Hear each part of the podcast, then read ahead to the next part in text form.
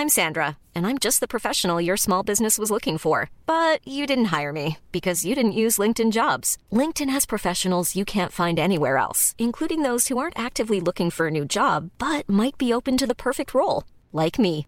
In a given month, over 70% of LinkedIn users don't visit other leading job sites. So if you're not looking on LinkedIn, you'll miss out on great candidates like Sandra. Start hiring professionals like a professional. Post your free job on linkedin.com/people today. Burrow is a furniture company known for timeless design and thoughtful construction and free shipping, and that extends to their outdoor collection. Their outdoor furniture is built to withstand the elements, featuring rust-proof stainless steel hardware, weather-ready teak, and quick-dry foam cushions. For Memorial Day, get 15% off your Burrow purchase at burrow.com slash ACAST and up to 25% off outdoor. That's up to 25% off outdoor furniture at burrow.com slash ACAST. There's never been a faster or easier way to start your weight loss journey than with PlushCare. PlushCare accepts most insurance plans and gives you online access to board-certified physicians who can prescribe FDA-approved weight loss medications like Wigovi and Zepbound for those who qualify. Take charge of your health and speak with a board-certified physician about a weight loss plan that's right for you. Get started today at plushcare.com slash weight loss. That's plushcare.com slash weight loss. plushcare.com slash weight loss.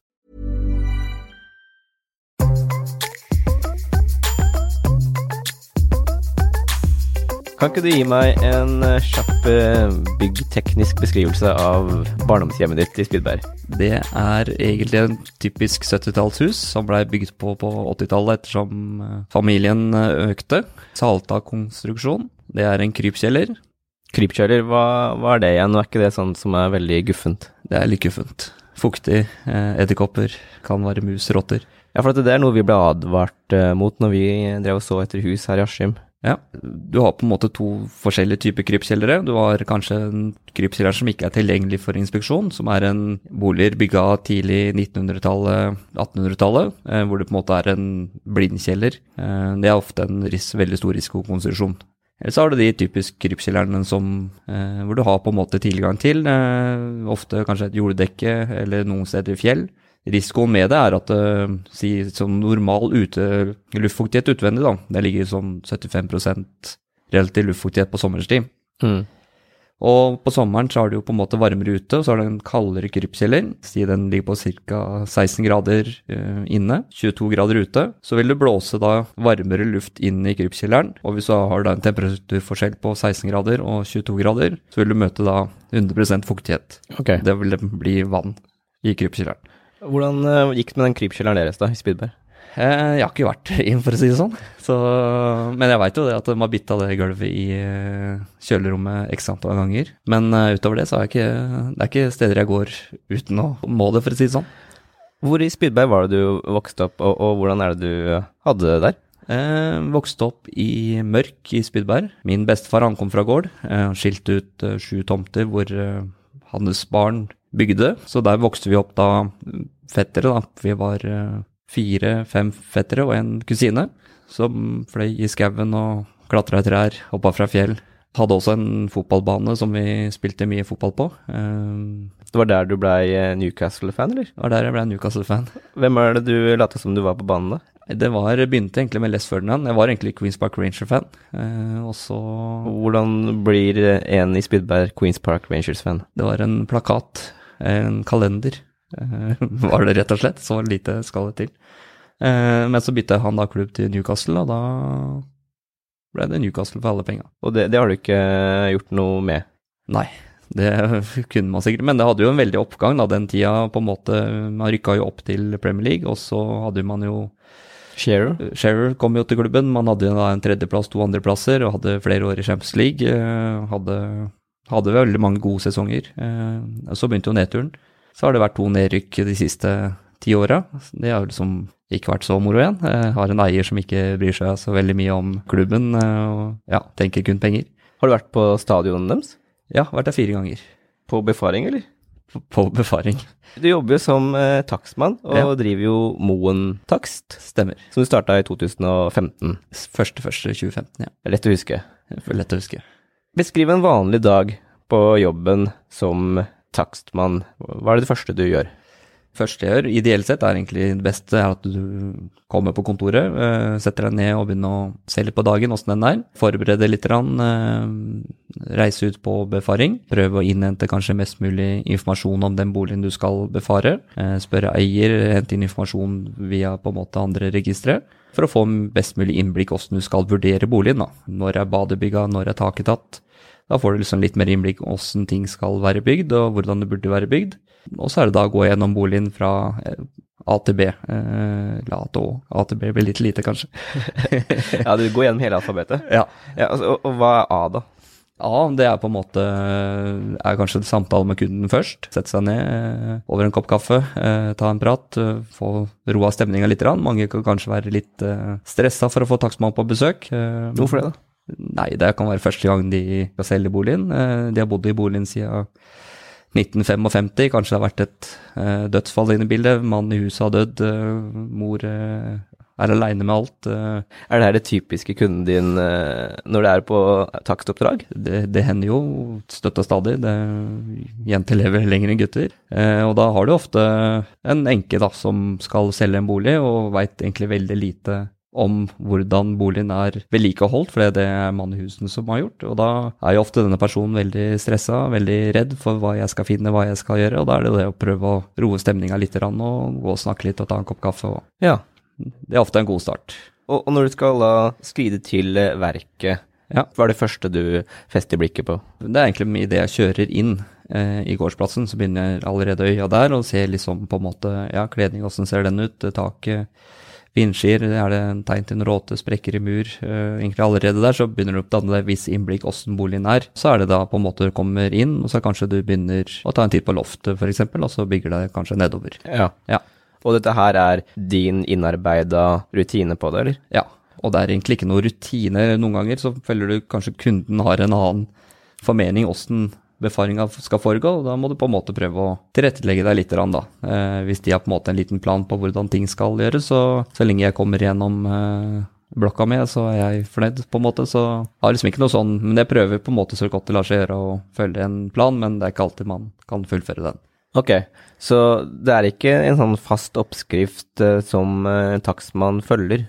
Nei, ikke per i dag, så er det ikke det. Men det vil komme. Eh, per i dag så jobber vi i en, tilstandsrapport eh, som på en måte går veldig mye på takstmanns eget skjønn. Eh, mens på nyåret forhåpentligvis så vil det komme en tilstandsrapport som vil være basert på norsk standard. Da er det vel liksom på punkt til prikke på en måte hvor du skal gå fra detaljert hvordan en befaring skal utføres, da.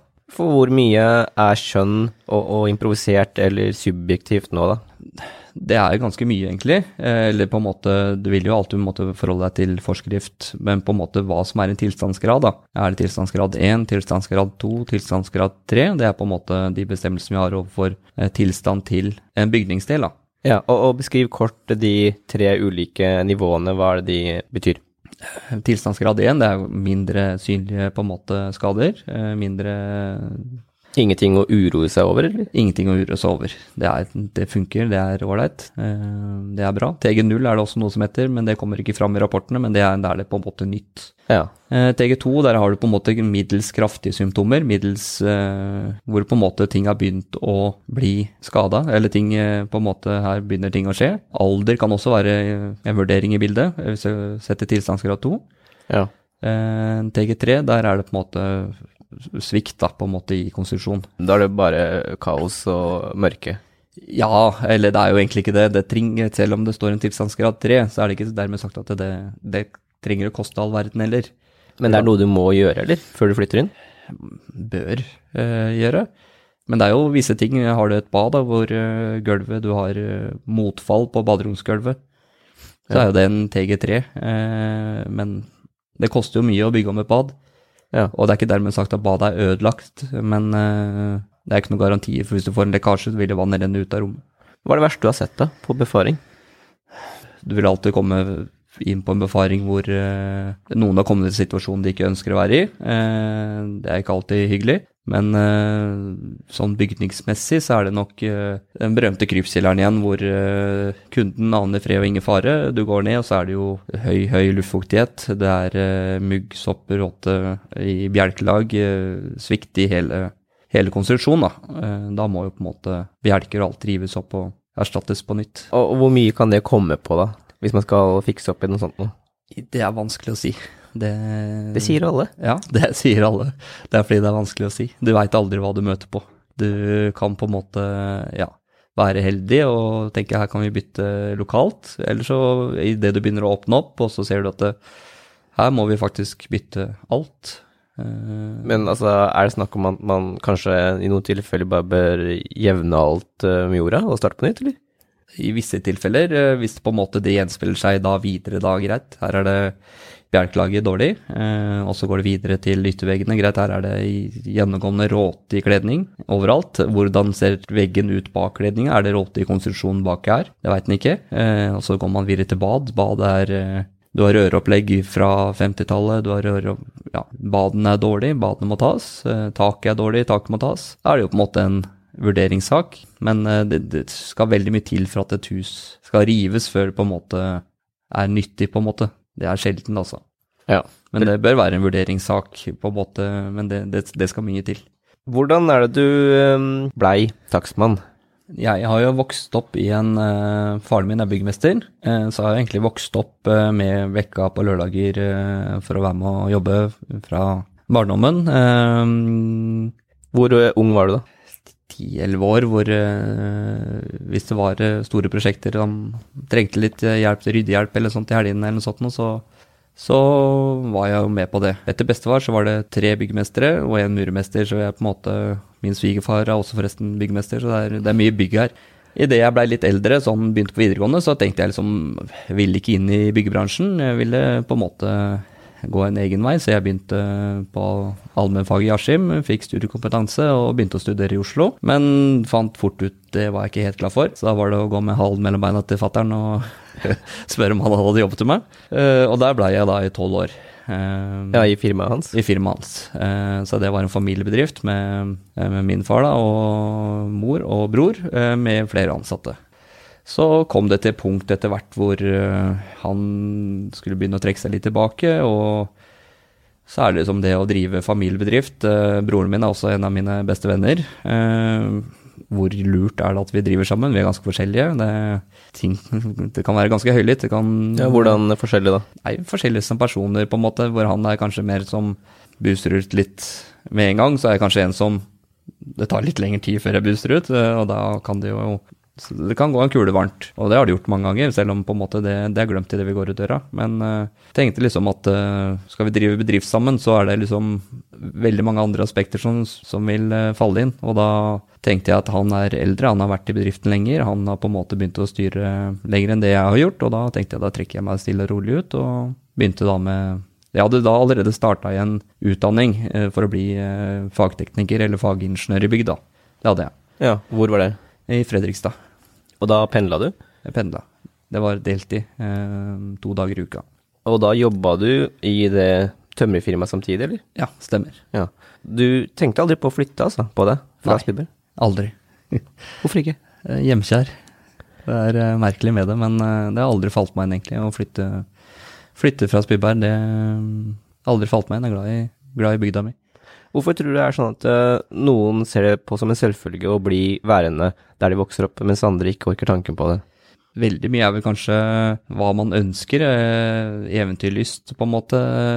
Så tror jeg det er litt jobbrelatert også, hva du velger, eh, hvilken retning du velger i, i livet. Veldig mange av mine kamerater er, har yrkesfaglig bakgrunn. Eh, Da er man jo ofte etter videregående rett i jobb, og da er det kanskje lettere å, å være, bli værende i bygda si. Eh, mens eh, skal man ut og studere, skal man møte nye mennesker på skole, da er det jo veldig spennende å reise ut og flytte ut og, og være der man er, egentlig. Mm. Eh, Du begynte på allmenn, sa du, på Ja. Askim VGS. Stemmer. Samme skole som jeg gikk på, jeg gikk også på allmenn. Ja. Er er det noe du ville gjort annerledes der, tror du, sånn sett i ettertid, siden du da snudde og gikk tilbake til det yrkesfaglige etter eh, studietida i Oslo? Eh, nei, egentlig ikke. Sett i ettertid så var det egentlig det som redda meg at jeg kom inn på fagskolen med generell studiekompetanse. Eh, hadde jeg ikke hatt den, så hadde jeg ikke kommet inn på fagskolen. Fordi eh, jeg tok aldri noen fagbrev som tømrer. Fordi ja, hvis jeg skulle gjort det, så var det en veldig tung og lang prosess med å, å få de papirene før jeg kunne gå opp til en, en en svenneprøve, da. Så det så Ja, ja. hvordan er den prosessen, da? Du måtte ta skole, eh, kveldsskole. Du måtte ta eksamener. Eh, Ja, videregående Videregående, ja. Ja. Selv om jeg hadde jobba da i tolv år, eh, så måtte jeg likevel ta videregående utdanning innenfor det, da. Ja. Så det føltes veldig tungvint, veldig Ja, og lysta var vel ikke helt der. Nei, for det blir bare en ren sånn formalisering av de ferdighetene som du da kanskje allerede hadde. og vel så Stemmer, stemmer. Så da hadde jeg den generelle studiekompetansen som gjorde at jeg kunne begynne på, på fagskolen, da. Mange er jo litt usikre på det når man er eh, herfra, in Indre Østfold, Mm. og om om det går an å bli boende og studere et annet sted samtidig, eller om man må flytte på seg. Hvordan var det for deg? Eh, For meg, eh, sånn som Fredrikstad, da, det er jo ikke noe Skal du ta offentlig kommunikasjon mellom Spybar og Fredrikstad, så må du sette hele dagen. Eh, Ja. Det er jo liksom ikke til, Det er ikke tilrettelagt for det i det hele tatt. Nei, det er lagt opp til at du skal dra innover mot Oslo, ikke sant? Ja, så kona hun studerte i Oslo samtidig som hun bodde i Spyberg. Eh, hun følte vel det gikk eh, relativt bra, men eh, studert helt i eh, Fredrikstad og bodde i Spyberg hadde nok vært eh, mer utfordrende, tror jeg. Selv om jeg tror nok jeg hadde blitt værende i Spyberg, det hadde jeg nok. Du begynte så vidt å fortelle litt om det byggtekniske på barndomshjemmet ditt. Ja. Nå må du da fortelle meg litt om det stedet du bor. Hva slags eh, type bolig er det, og hvor i Spydberg er det du bor nå med familien din? Eh, Jeg bor på et sted som heter Vollene i Spydberg. Det ligger eh, ca. to kilometer utafor sentrum. Boligfelt. Veldig fint for oss i den familiesituasjonen vi er, med barn i nabohusa og fin vei til sentrum, egentlig sånn, ja. Første husene ble bygga der i 2008, eh, så det er relativt nytt boligfelt, da. Og tilstandsgrad Ja, mesteparten her ligger vel på Det kan jo være ting som gjør at det er en TG2 her og der, men eh, stort sett eh, så er det jo ja, solide hus som er bygga, altså. Huset jeg bor i, det er eh, et moderne hus med flatt tak. Tilnærma vedlikeholdsfritt eh, med en del murfasade og dels eh, trekledning som er uh, tilnærma vedlikeholdsfri, da. Hvor viktig var det for deg, da? Ikke så veldig viktig. Jeg innrømmer jeg er ikke veldig glad i å stå og male i husveggen. eh, Det er ikke, så det hadde jo en betydning. Men alt trenger jo vedlikehold. Mm. Ja. Flatt tak, sa du. Ja. Er ikke det litt dumt med snø og sånn, da? Så lenge det er bygga riktig, så skal det ikke være så store problemer. Det er eh, godt fall på taket og innvendig sluk, så det Men det her er ikke sånn funkisbygg, eller som de kaller det? Du kaller det funkis, men funkis er på en måte egentlig ikke sånne typer boliger, selv om det kanskje har blitt stjålet litt. Det er jo egentlig enebolig fra 40-tallet type stil som er en funkisbolig, på en måte, men eh, Mm. Selv om skulle boligen vært lagt ut for salg i dag, så hadde det nok stått uh, funkisbolig, det vil jeg nok tro. Ja, for det er litt sånn boksete i stilen. Ja, stemmer. Hva slags andre typer boliger har du hatt uh, tidligere? Eh, litt standard type bolig med første etasje og halvannen etasje, eller eh, ja, halv etasje over. Saltak, eh, takstein, eh, litt mer tradisjonell bolig. Kom jo tidlig inn på boligmarkedet, var jo 21 år da jeg bygde første huset. Du bygde sjøl? Ja. Hvorfor ville du bygge eget? Det var egentlig sånn litt spesielt, men vi var en vennegjeng som hvor egentlig alle sammen bygde hus før vi var eh, 21-22 år. Ja vel. Ja. Så litt spesielt, men, eh, Men altså, dette her gjorde dere sjøl, eller altså, hjalp dere hverandre? Hvordan er det det fungerte i, i praksis? gjorde det mesteparten sjøl, på en måte. Altså du aleine? Ja. Og, Så- og hvor lang tid tar det da?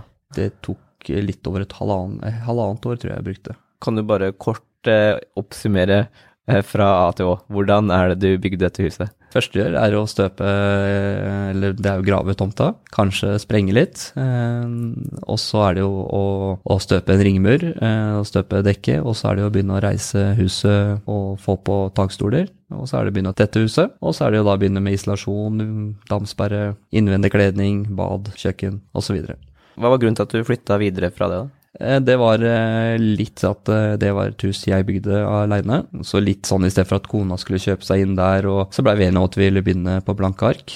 Så vi da kjøpte en tomt på Vollene og bygde der. Har du ikke noe sånn sentimental tilknytning til dette huset som du bygde? Nei, egentlig ikke. Trodde det skulle bli rart, liksom, for det var Gråsen ligger liksom på venstresida av Vollene. Så jeg trodde liksom at i starten at jeg skulle kjøre, så ville jeg ta opp til Gråsen, men det, det har ikke skjedd ennå.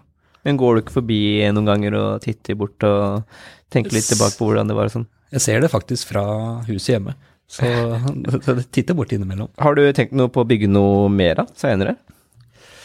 Eh, nå blir jeg nok værende en stund. Eh, vi har det veldig fint eh, på Vollene. Det er eh, som sagt, det er, eh, ja, jentungen er eh, seks år, begynt på skole og har masse skolejenter i, på samme boligfelt. Flytte derifra, det tror jeg på en måte vil sitte langt inne. Ja, nå har du sagt at du liker jo at det er ganske vedlikeholdsfritt. Ja. Selv om jo du da åpenbart er i stand til å vedlikeholde og reparere det aller meste. Ja. Hva annet er det du synes er veldig viktig da, når du velger deg et sted å bo, bortsett fra det med at det er eh, nytt og i god stand? Skal velges deg et sted å bo, så er det jo det første tilstand til bolig, men det er jo også trivsel og trygghet, kanskje det som vil veie mest for meg. Hvordan ser du det da? Nei, det er jo vanskelig. Eh, på en måte, hvis man kommer til ny kommune, så er jo det Det blir jo en råsjanse, eh, på en måte. Man ser jo fort om det er en bolig hvor eh, det ikke går i 110 forbi døra, på en måte. Ja, altså råkjøring og sånn? Ja. Heldigvis bor vi nesten innerst i blindvei, lite trafikk, men det er jo, det er jo et stadig tema inn på, på velsidene rundt på alle boligfelt, egentlig. At uh, råkjøring på boligfelt, det, er, uh, det tror jeg man ikke blir helt blir kvitt. Nei, når du sier det, så jeg hører en liten, en liten råtass innimellom når den svinger forbi litt uh, vel hissig. Ja, ja. Eh, så jeg vet ikke hvor lenge man skal la det gå. Hvor lenge skal man la det gå da, før man banker på døra og informerer om eh, disse tinga? Nei, det må man føle på sjøl. Jeg vet eh, broren min bodde ved siden av meg eh, før. Og han eh, stoppa en som likte å tråkke litt på gassen opp gjennom gata, så han slapp barnevogna rett foran bilen. Så den bilen måtte bråbremse, da. Det var jo ingen i, i vogna eller noe, men han så bare stygt på den, og etter det så kjørte han rolig i gata, så da oh, ja. Ja. Det, det var lærepenge nok. Det var lærepenge nok. Tilbake til uh, takseringsjobben din. Ja. Um, du burde jo egentlig vært uh, gjest her uh, helt fra starten av, nesten før vi egentlig fikk flytta til Askim, fordi det er jo mange spørsmål um, jeg sitter på når det Ja. gjelder det her med bygg, eh, tekniske kvaliteter og utfordringer og ting man må være ekstra oppmerksom på når Mm. man går på visning. Ja. Nå kan jeg jo si at vi har jo kjøpt et hus fra 1938. Mm. Det er bruksareal på 226 kvadratmeter og et tomteareal på 800. Hva er det første du tenker når jeg har gitt deg den korte beskrivelsen der av eneboligen? 1938 det tenker jeg at det er et solid fundament. Eh, veldig mye solid bygningsmasse som ble bygga på den tida. Selv om det er jo eldre, men eh, har det vært godt normalt vedlikeholdt, så er det ofte solide, solide hus. Noen har sagt til meg at gamle hus ofte var bygd bedre, at det er bedre kvalitet på det. Stemmer det?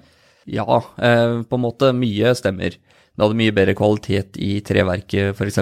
Har du en trekledning som på en måte er original fra 1938, så vil den mest sannsynlig aldri råtne. Mens en, eh, det er mye tettere på en måte treverk, da. Mye mer solid. Mens eh, materialet som brukes i dag, det er hurtigvoksende, det er eh, mye dårligere kvalitet. Du ser hvis du bare skal rive også en bygning fra Rive noe, da, på en bolig fra 30-40-50-åra, så er det jo solide spikere. Det er eh, Men de hadde jo på en måte ikke samme verktøyene som vi har i dag. Både med tanke på lodd, vater, sånne ting, på en måte. Men samtidig så er jeg utrolig imponert over hva de fikk til med det de hadde den gangen.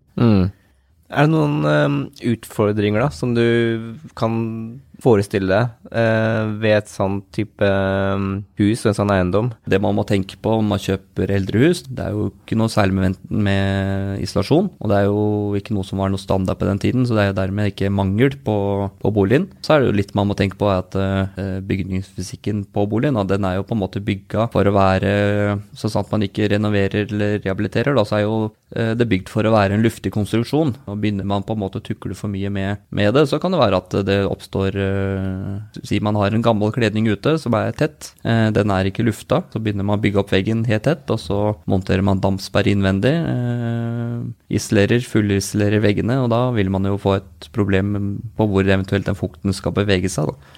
Ja. Så da kan man få et fuktproblem i veggen. Har du sett dette før, eller? Ja, det er sånn som kan skje. Er det fordi at de som da begynner å etterisolere, ikke har satt seg godt nok inn i det? Ja, det kan det være. Man tenker liksom ikke på, på de utfordringene som vil kanskje komme. Hvor eh, stor tomt har du nå? 650 kanskje. Hvordan ser den ut, og hva, hva bruker du den til? Den er helt flat, eh, bortimot. Det er en plen, og så er det vintergrønn hekk. Så har jeg eh, en støpt platting rundt huset. Det er tilnærma vedlikeholdsfritt, det også. Jeg må klippe gresset. Du bruker ikke robot, eller? Jo. Ja, du gjør det. Ja. Så du har på en måte lagd deg et sted hvor du egentlig ikke skal trenge å gjøre noe som helst eh, av vedlikehold, da? Ja. Og gårdsplassen, da, eller innkjørselen. Den er asfaltert. Den er det, ja? Ja. Ja, for det er det vi tygger litt på om vi skal gjøre. Ja. Ikke så veldig sjarmerende stil, da, syns kona. Nei. Men uh, hvordan skal du overbevise henne? Hva kan du si for at hun da tenker at jo da, her skal det bli asfaltdekke? Hva er alternativet? Nei, si det. Hva er det det pleier å være, da? Nei, da er det belegningsstein, da, eller en grusa gårdsplass. Eh, asfalt er jo veldig reint. Eh, Ja, for du vil ikke luke, ikke sant? nei, det er noe med det. Ja. Og du vil ikke at uh, belegningssteinen skal bli skeiv osv. Du vil ikke gå rundt og vende på de heller. Selv om personlig, da, så syns jeg kanskje et hus fra 1938 kler belegningsstein mer enn asfalt igjen, så Det er jo også hennes argument, da. ja. Så vi ble ikke enige her, med andre ord. Hvor opptatt er du da av det estetiske på hus? Jeg er jo litt opptatt av det. Eh, Det er jo på en måte, Du kan jo komme bort til boliger hvor eh, du har fem forskjellige byggeperioder på en enebolig. da.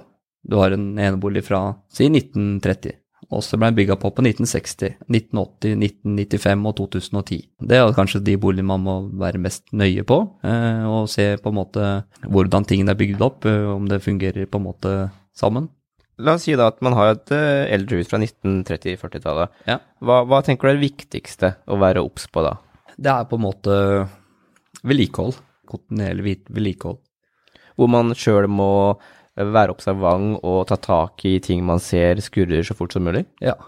Eh, Jevnlig sjekke loftet, på en måte. Så er, ser det greit ut? Er det tegn til kondens? Er det si et, et loft, da, fra en bolig fra 1930, 40, 50, 60, tidlig 70. Der er det jo ikke noe etablert noen damsperrer, eh, hvis ikke det er påført seinere. Også hvis man da isolerer loftet, så vil man da få et kondens i undertaket, mest sannsynlig. Eh, det er sånne ting da som er viktig å se. Er det Tar treverket skade av det? Er det Sjekke takdekking, eh, mose på tak eh, hele tida. Gå gjennom boligen og, og holde generelt ved like. Det må man på alle boliger, men spesielt på eldre boliger. Det føler jeg på en måte at man må Det er gammelt, og da må man eh, sjekke det, det, sjekke det oftere. Hvordan vet du at eh, verditaksten du setter er riktig? Vi driver jo egentlig med kvalifisert gjetning. Det er jo det vi gjør, på en måte. Ikke Vi sitter jo ikke med fasiten. Eh, Det ser vi jo ikke før boligen er solgt. Altså det her er som uh, tipping der, og, og Fantasy Premier League. Ja, bortimot. Nei da. uh, Vi har jo på en måte, vi må innhente alle de dataene vi, vi kan om boligen. Uh, Så blir det jo på en måte å se på tilstand, eh, størrelse, beliggenhet eh, opp mot sammenlignbare objekter. eh, Og så må man prøve å finne ut en, eh, en eh, markedsverdi ut fra de punktene. da. Er det noen flere enn deg da, som takstmann, som er med i den vurderinga? Stort sett ikke, men det kan være. Hvis det er vanskelige objekter, eh, så kan det være at du ringer en kollega, du kan ringe en megler eh, og diskutere eiendommen. Har du tatt feil før på verditakst? Ja, det tar jo feil støtt og stadig. Det er ikke uvanlig at man på en måte ting går 100 eller over eller 100 under eh, markedsverdi. Eh, Det kommer litt an på interessen eh, på det gitte tidspunktet. Har du fått klager på taksten? Ja, det skjer støtt og stadig, på en måte. At uh, tilstand på boligen ikke er i stil med hva de har trodd sjøl, eller at uh, verdien er lavere enn hva man kanskje har trodd sjøl. Man må bare legge fram hva man hadde tenkt, men jeg selger heller da at man kan argumentere eh, på en måte mot meg, komme med konkrete ting, da, om det er det ting jeg har eh, ikke sett som de har sett. Det skal ganske mye til for at en takst skal rikkes på. Det, det skal det. En verditakst består av eh, teknisk tilstand, eiendomsbeliggenhet og boligens standard. Er det ikke sånn? Jo, det er ikke alltid det er en teknisk tilstand. da. Det kan være en verditakst som bare er en uh, visuell befaring av eiendommen. Da får man ikke vektlagt tilstand på den måten. Eh, Det er mange som sier sånn at eh, folk har bestemt seg på forhånd om de skal kjøpe eller ikke. Ja. Stemmer det? Norsk Takst, da, som er mitt forbund, eh, de gjorde en undersøkelse for et par-tre år siden, eh, og det viste at 30-35% ikke leste rapportene før kjøp. Så det stemmer nok det, at mange har bestemt seg for at det her kjøper vi, uten egentlig å sette seg inn i, i boligens tilstand eller andre på en måte dokumenter eh, før de kjøper. Så hva er det de baserer valget på da? følelser, bilder. Så det er fotografen som har da det største utslagsgivende virkningen? Ja, det, fotografen er den eh, på en måte den, viktigste jobben, hvis man kan si det sånn, eh, for eh, å nå ut til kundene. da. Se jo det ute på, kommer på befaring samme dag som fotografen. Det, det, er jo ikke et hjem lenger, hvis du kan si det sånn. Det er jo, Da er det jo strigla. Alt av personlige ting er jo tatt ned. Møbler er flytta, tatt bort. Men det, det er mange som belager seg på Og den følelsen selvfølgelig de får når de kommer i boligen, tror jeg også. Tror ikke noen reiser kjøper uten egentlig å ha sett boligen, eller noen gjør jo det også, men uh, har man bestemt seg på forhånd, så tror jeg det skal nok mye til før de, det skal være dårlig det man ser da, på befaringa, før man uh, trekker det valget, på en måte. Men tror du det der har forandra seg opp gjennom åra? Det med at det nå, som du sier, at bildene har så mye å si? Ja, det har det. Eh, det har forandra seg mye. Se på gamle prospekter, så er det lagt med fire bilder, og juleduken er på Det, det, det skjer ikke i dag. Nei. Nei. Ok, Hvorfor tror du det har blitt sånn, da? Det på en måte at den vil vise fram et finere, bedre bilde av boligene, tror jeg. Det er jo, Vi mennesker eh, ser jo på en måte med øya våre eh, og ser, eh, og ser det innbydende ut, så er det jo lettere for oss å ta valg og komme oss ut på visning. Men så er jo det også at det ikke må være så stor kontrast fra bildene til hvordan boligen faktisk ser ut, da. For det kan jo også virke negativt. Man kan vel ta seg noen friheter, virker det som, disse fotografene og meglerne? Jeg setter i hvert fall photoshoppa flammer i peisen. Ja, det, det har skjedd, det, altså. Eh, hvor eh, jeg har beskrevet at pipa ikke er koblet til eh, peis. Og så er bildene lagt ut, så er det fyr i peisen, og da kan jo kanskje kjøper eh, føle seg lurt etterpå. Ja, Så du har vært i sånne situasjoner, ja? Ja, selv om det står at jeg har skrevet eh, at det ikke er kobla til, så føler de seg på en måte litt lurt etterpå, da. Hva syns du om det? Det er vanskelig å si. Eh, jeg tror på en måte ingen mener noe vondt med det. Fotografen tenkte vel sikkert at den Han leser jo ikke min rapport, så han tenkte vel sikkert at uh, den var kobla til og la til flammer. Og, så jeg tenker det er for så vidt ikke noe vondt ment fra noen, noen sin side, tror jeg. Mm. Uh, når du skal selge sjøl, ja. hvordan går du fram? Nei, nå har jeg solgt én gang, det begynner å bli en stund siden. Ja, Det var det huset du bygde? Ja. Så da, da var det jo ikke noen tilstandsrapporter, det var det verditakster som ble brukt. Uh, Hvis du skal selge der du bor nå, da, la oss si du skal selge det neste år. Ja. Eh, hvordan går du fram da? Jeg ville nok begynt å planlagt uh, prosessen hvis jeg visste at jeg skulle selge et år fram i tid. Begynt å få ting på en måte som man har tenkt å gjøre, få ting på stell. Få et godt førsteinntrykk. Det er veldig viktig for mange. Ja, så tror jeg ikke jeg ville gjort så veldig mye mer, for det, det er for så vidt nytt, så det er ikke så veldig mye mer å, ikke så veldig mye mer å gjøre, egentlig. Men hvem er det som setter verdien da, på huset ditt? Nei, det kunne ikke jeg gjort sjøl. Det er jo Eh, klart. Eh, der ville nok eh, en megler satt verdien, vil jeg tro. Det er jo blitt sånn i dag at det er ikke alle objekter jeg setter verdien på. noen meglere ønsker å sette verdien selv i samråd med kundene. Så, så det er liksom litt sånn forskjellig i markedet i dag. Men hvordan kan en megler gjøre det? Jeg vil jo tippe at de færreste meglerne har så mye byggteknisk kompetanse og erfaring som du har. Erfaringstall, da, som på en måte sier at uh, tilstand på en bolig har ikke så mye å si opp mot markedsverdien. Det er på en måte begrunnelsen uh, der fra Eiendom Norge, at meglerne de jobber i, markedet. de jobber med de samme systemene som vi gjør. De er jo ute og setter verdier, har gjort det i alle år de også, bare ikke hatt det på trykk i prospektene sine. Så er det ofte at de kan velge å si greit, vi har en estimert pris rundt i det leiet er sånn. Si mellom 3,5 og 4 millioner, så får vi se på hva tilstandsrapporten sier. Er det store feil, så kanskje vi må revurdere prisen litt. Hvor mye er det som baserer seg på det der med sammenligningsgrunnlag, når man prøver å leite seg fram til en uh, passende pris? Det har jo på en måte veldig mye å si. Samtidig så uh, må man jo ikke Det er veldig forskjellig. Det er kanskje lettere i Oslo igjen, uh, hvor du har leilighet på leilighet på leilighet på leilighet. Vi her sånn jobber vi på en måte ikke med kvadratmeterpriser som man gjør innover.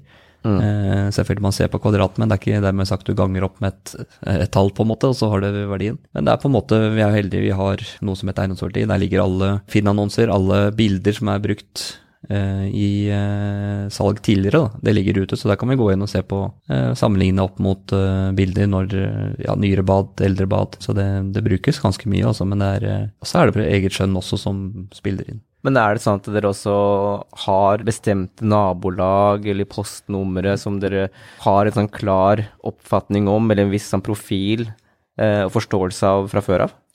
Nei, du har jo på en måte populærområder og, som på en måte du veit her som eh, vil på en måte snitte høyere enn kanskje ellers i, i bygdene rundt. Eh, det er det jo, men utover det så er det som ikke så veldig Du har jo på en måte visse områder som er kanskje litt lavere igjen, og så men ikke noe sånn spesifikt. Det er det ikke. Hva kan det komme av, da? Eh, la oss si det er ett område i Spydberg eller Askim som snitter litt høyere. Hva, Ja. hva kan noen av faktorene være? Nei, det kan være forskjellig. For nå så har du jo nye boligfelt, da. Der vil det alltid være høyere snittpris. Eh, Men så har du på en måte Kan være eldre etablerte boligfelt eh, med en fin bebyggelse og kort avstand til sentrum, som vil være med på og at det er et attraktivt bolig for mange, mange som vil flytte og bosette seg der. Og eldre etablert. Det er sånn begrep som går igjen. Ja. Hva er det mer spesifikt? Etablert boligområde. Der er alt ferdig. Du har veier, gangvei. Alle hus er ferdig opparbeida. Det er ikke ja, Tomtene, uteområdet, alt er på en måte ferdig. Infrastruktur rundt er ferdig. Det er ikke noe Du får ikke gravemaskiner opp og ned i gata fordi det skal bygges noe innafor. Det skal ikke Så det er i hvert fall det jeg legger i det. Det høres jo litt ut som der eh, jeg flytta, da. Ja. Eh, 500 meter til Østfoldbadet og eneboligområdet. Men det er vel alltid sjanse for at noen av de eplehagene etter hvert blir eh, gjort om til flermannsboliger, er det ikke? Jo, det er det. Det skjer mer og mer. Eh, spesielt også nå i Indre Østfold, hvor på en måte man ønsker fortetning i, i hvert fall eh, flere av eh, Askim, Spyberg, eh, Mysen, Hobøl og det er Man ønsker fortetning. Eh, I Askim så kan man vel få tillatt å bygge på en tomt ned til er det 410 kvadratmeter i sentrumsområdet. Eh, man ønsker fortetning, så det er jo helt klart, har du en tomt på litt over et mål, da, så kan det være at du kan få utnytta den videre. Altså mens du blir boende på en del av den sjøl, eller? Ja, det kan skje. Eller du velger å selge huset og selge tomta, skille ut tomta og selge den for seg sjøl. Har du vært borti sånne tilfeller i Spydberg? Ja, det har jeg. Det skjer eh, hele tida. Det er kanskje mer normalt i Askim, eh, men eh, i Spyberg også. Ja, hvor er det du egentlig jobber? Hvor er det du har oppdraga dine? Det er Mesteparten er i Indre Østfold. Jeg driver litt i Follo også. Men det er fra Ringvoll til, til Marker.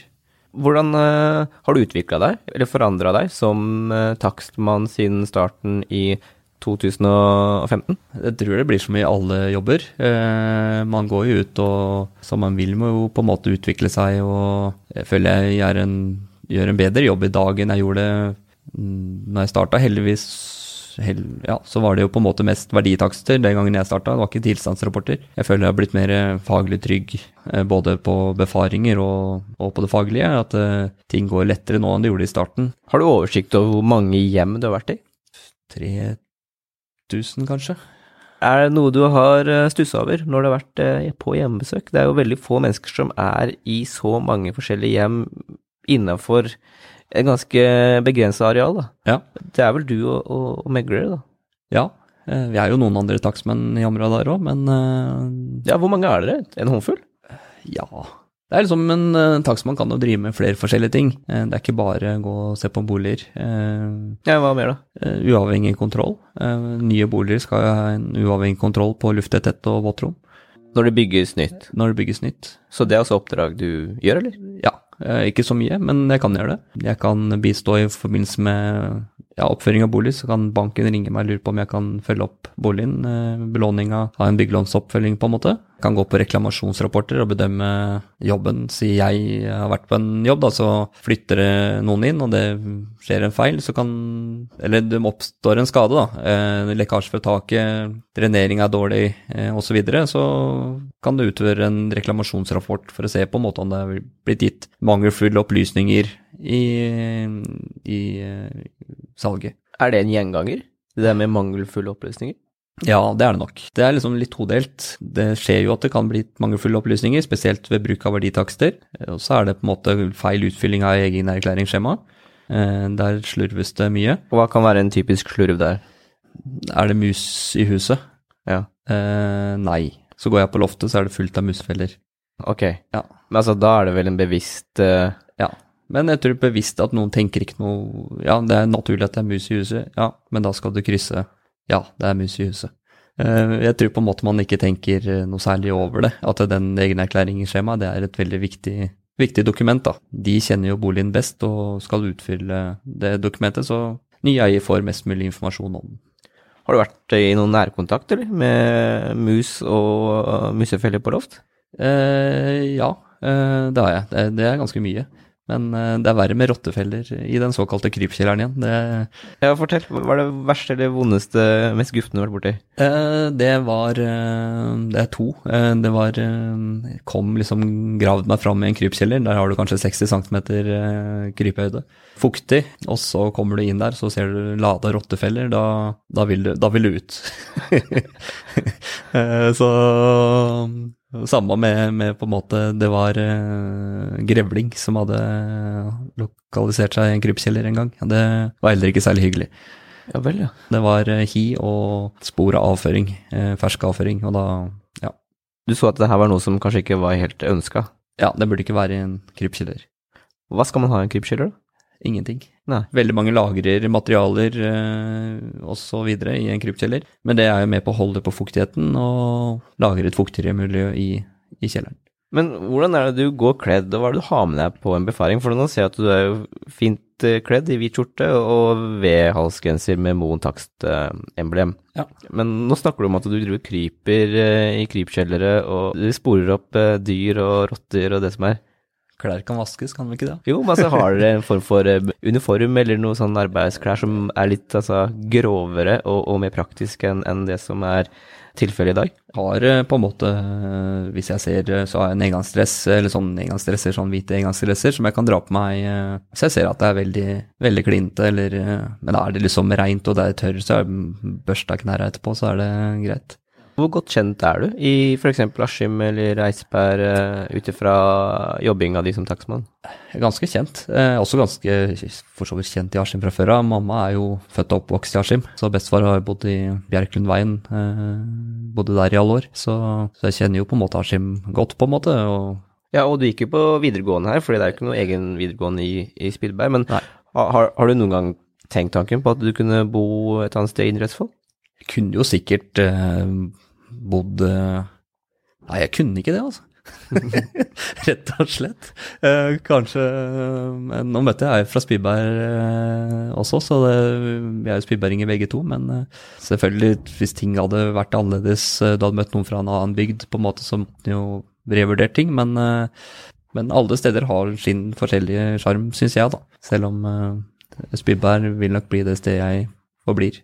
Etter å ha vært i disse 3000 hjemmene i Indre Østfold, Ja. hva er det du sitter igjen med av sånn generelt inntrykk av folks eh, hjem? Veldig mange ønsker å ha et godt hjem. Eh, det er det første jeg tenker. Eh, og så er det ting på en måte som, som går på Vi er jo glad i å pusse opp i Norge, og vi er glad i å gjøre ting sjøl. Ja, for det, det ser du. Ja. Og ting kan se bra ut, men det er ikke alltid ting er gjort på en måte helt riktig, da. Største fellen er kanskje en typisk en kjeller, innrede en eldre kjeller. Det kan by på store utfordringer. Spesielt eh, eldre boliger hvor eh, du ikke har noe kapillærbrytende sjikt. Eh, du, har ikke, du har en betongvegg eh, som står direkte på leirmasser. Du har ikke noe isolasjon, noe dampsperre som på en måte vil bryte fukten av trenge opp i veggen. Samme med betongdekket, det er, ligger rett på et jord, jorddekke stort sett. Mm. Og der må man på en måte ha en sånn konstruksjon bør egentlig være åpen, fri, eh, men så skjønner jeg på en måte det er en kjeller, man vil utnytte arealet, og da må man gjøre det på den best mulige måten, så man ikke stenger inne fukt. Ja. For fukt vil det være der.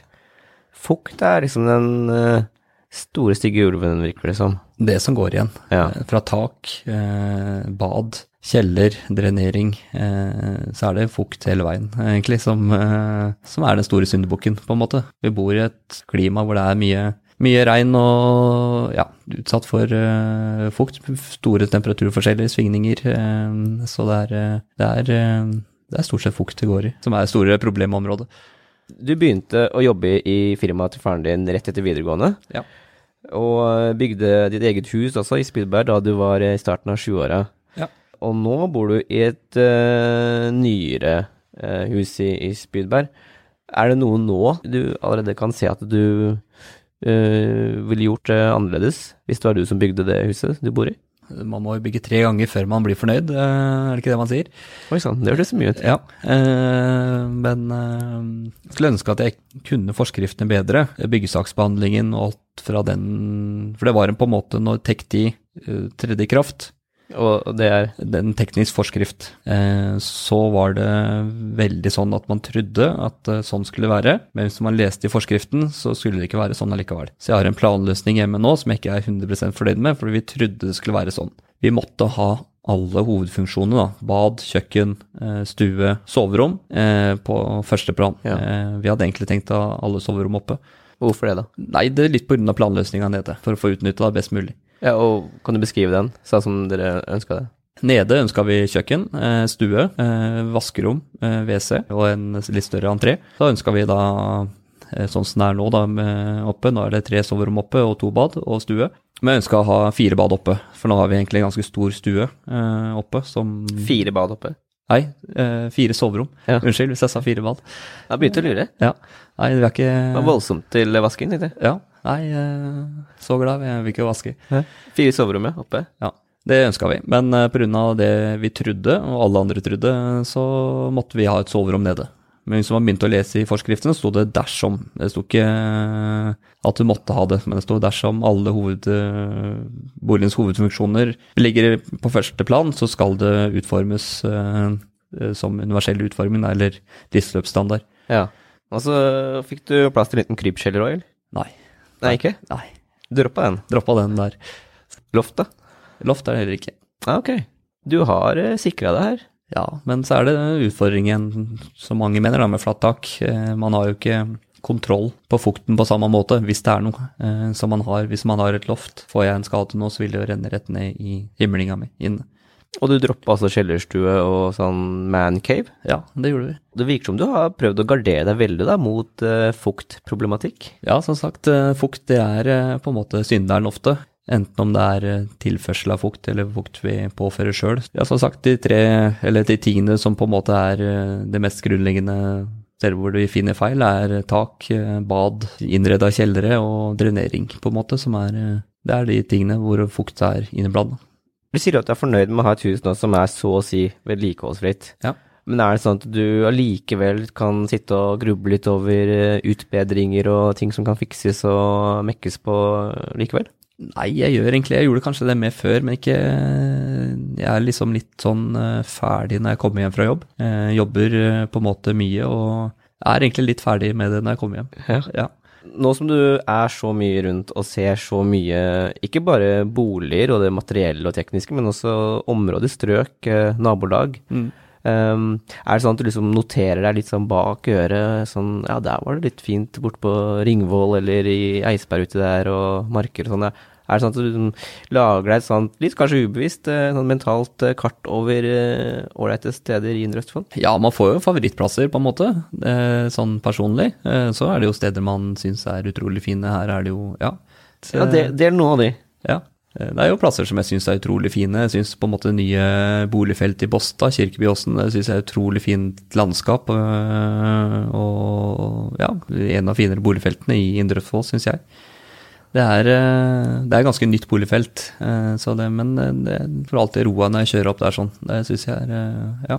Ja. Er det noe annet som har overraska deg når du har vært rundt omkring i Indre Østfold? Av sånn landskap eller miljøting? Eh, jeg syns det er utrolig mange flinke mennesker jeg møter rundt omkring. Mange ildsjeler, mange som på en måte er glad i bygda si, kommer med masse informasjon, masse historie. Eh, det syns jeg alltid er spennende og interessant. Og jeg syns bl.a. i Marker, hvor flinke Ørje, da, eller hvor flinke de er der sånn til å det lille tettstedet å få utgjort det de gjør der. Jeg synes det er, eh, Generelt så syns jeg ja, folk er flinke og, og stolte av bygdene sine, da. Det ser man egentlig også bare på debatten om grendeskolen. på en måte Man er veldig glad i, i området sitt og vil på en måte at det ikke skal dø ut. Are Moen, eh, da har jeg bare ett spørsmål igjen til deg. Ja. Spillbæring som har eh, bodd hele livet i Spillberg. Ja. Hva er et godt sted å bo? For meg er det trivsel og trygghet. Jeg hadde verdens beste barndom og trodde jeg skulle bosette meg på landet, men jeg endte opp på boligfeltet i sentrum. Men eh, der føler jeg på en måte trivsel og trygghet. Så det, det, er vel egentlig det. Og i trygghet så er det på en måte tilstand eh, der man bor og alt, eh, alt med det. Tilstandsgrad 1. Jeg håper det. Are Moen, tusen takk for praten. Takk for meg.